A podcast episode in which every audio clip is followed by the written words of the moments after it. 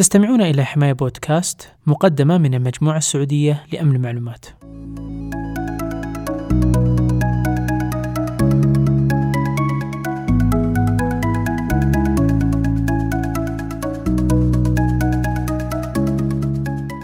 السلام عليكم ورحمة الله وبركاته. حياكم الله في حلقة حماية بودكاست. في هذه الحلقة سنتحدث عن برنامج خبيث ظهر صيته في عام 2010 هذا البرنامج الخبيث أطلق عليه اسم ستاكسنت يصنف ستاكسنت ضمن malicious computer worm أو دودة خبيثة. يستهدف ستاكسنت أدوات التحكم المنطقية القابلة للبرمجة. أو ما يعرف Programmable Logic Controllers أو ال PLCs وهذه الأجهزة متواجدة بشكل كبير داخل المنشآت الصناعية والبنى التحتية بحيث تقوم بأتمتة العمليات الكهروميكانيكية بحيث تقوم بالتحكم في خط التجميع الموجود بأي منشأة بشكل آلي. قام ستاكسنت باستغلال أربع ثغرات من نوع Zero Day Flows. وهذا النوع من الثغرات يقصد به الثغرات الغير معروفة أو غير منشورة يستخدمها المخترقون في اختراق الأنظمة.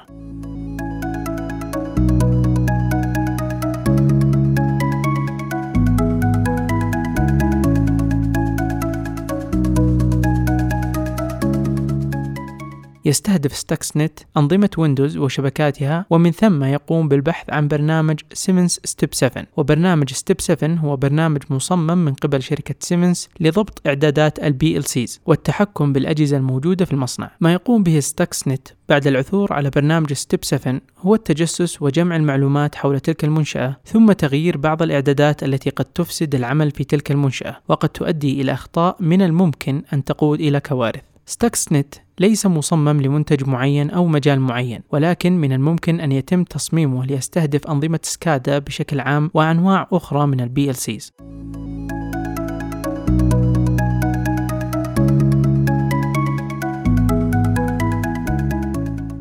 يتكون ستاكسنت من ثلاث وحدات. الوحدة الأولى وهي worm لتشغيل أي برمجية خبيثة لاختراق النظام. الوحدة الثانية وهي link file لكي يتسنى له الانتشار في الشبكة بشكل تلقائي الوحدة الثالثة وهي rootkit لإخفاء أي ظهور له على الأجهزة. حيث أن أغلب المنشآت الصناعية تكون معزولة تماما عن الإنترنت فإن ستاكس نت يستهدف النظام عن طريق ال flash memory أو وحدة التخزين الخارجية بحيث تكون هذه هي نقطة الدخول إلى النظام. ويبدأ بتشغيل البرنامج الخبيث تلقائيا ثم ينتشر في الشبكة ويقوم بعمله باستهداف الأجهزة الحساسة.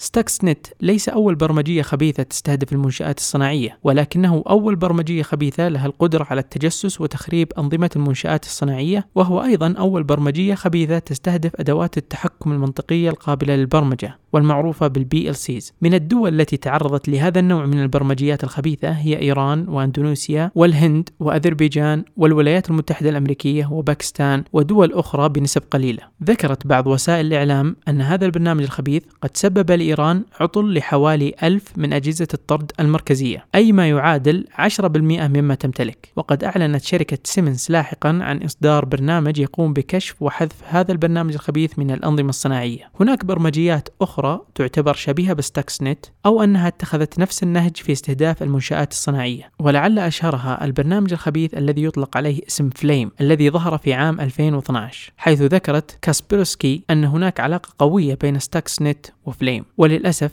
فإن هذا المجال من البرمجيات الخبيثة التي تستهدف المنشآت الصناعية أو أنظمة سكادا ما زال يظهر برمجيات خبيثة بنسخ أقوى وأكثر تطورا وفتكا. إلى هنا نصل إلى نهاية حلقتنا من حماية بودكاست كان معكم فيها عبد الله القحطاني ودمتم بخير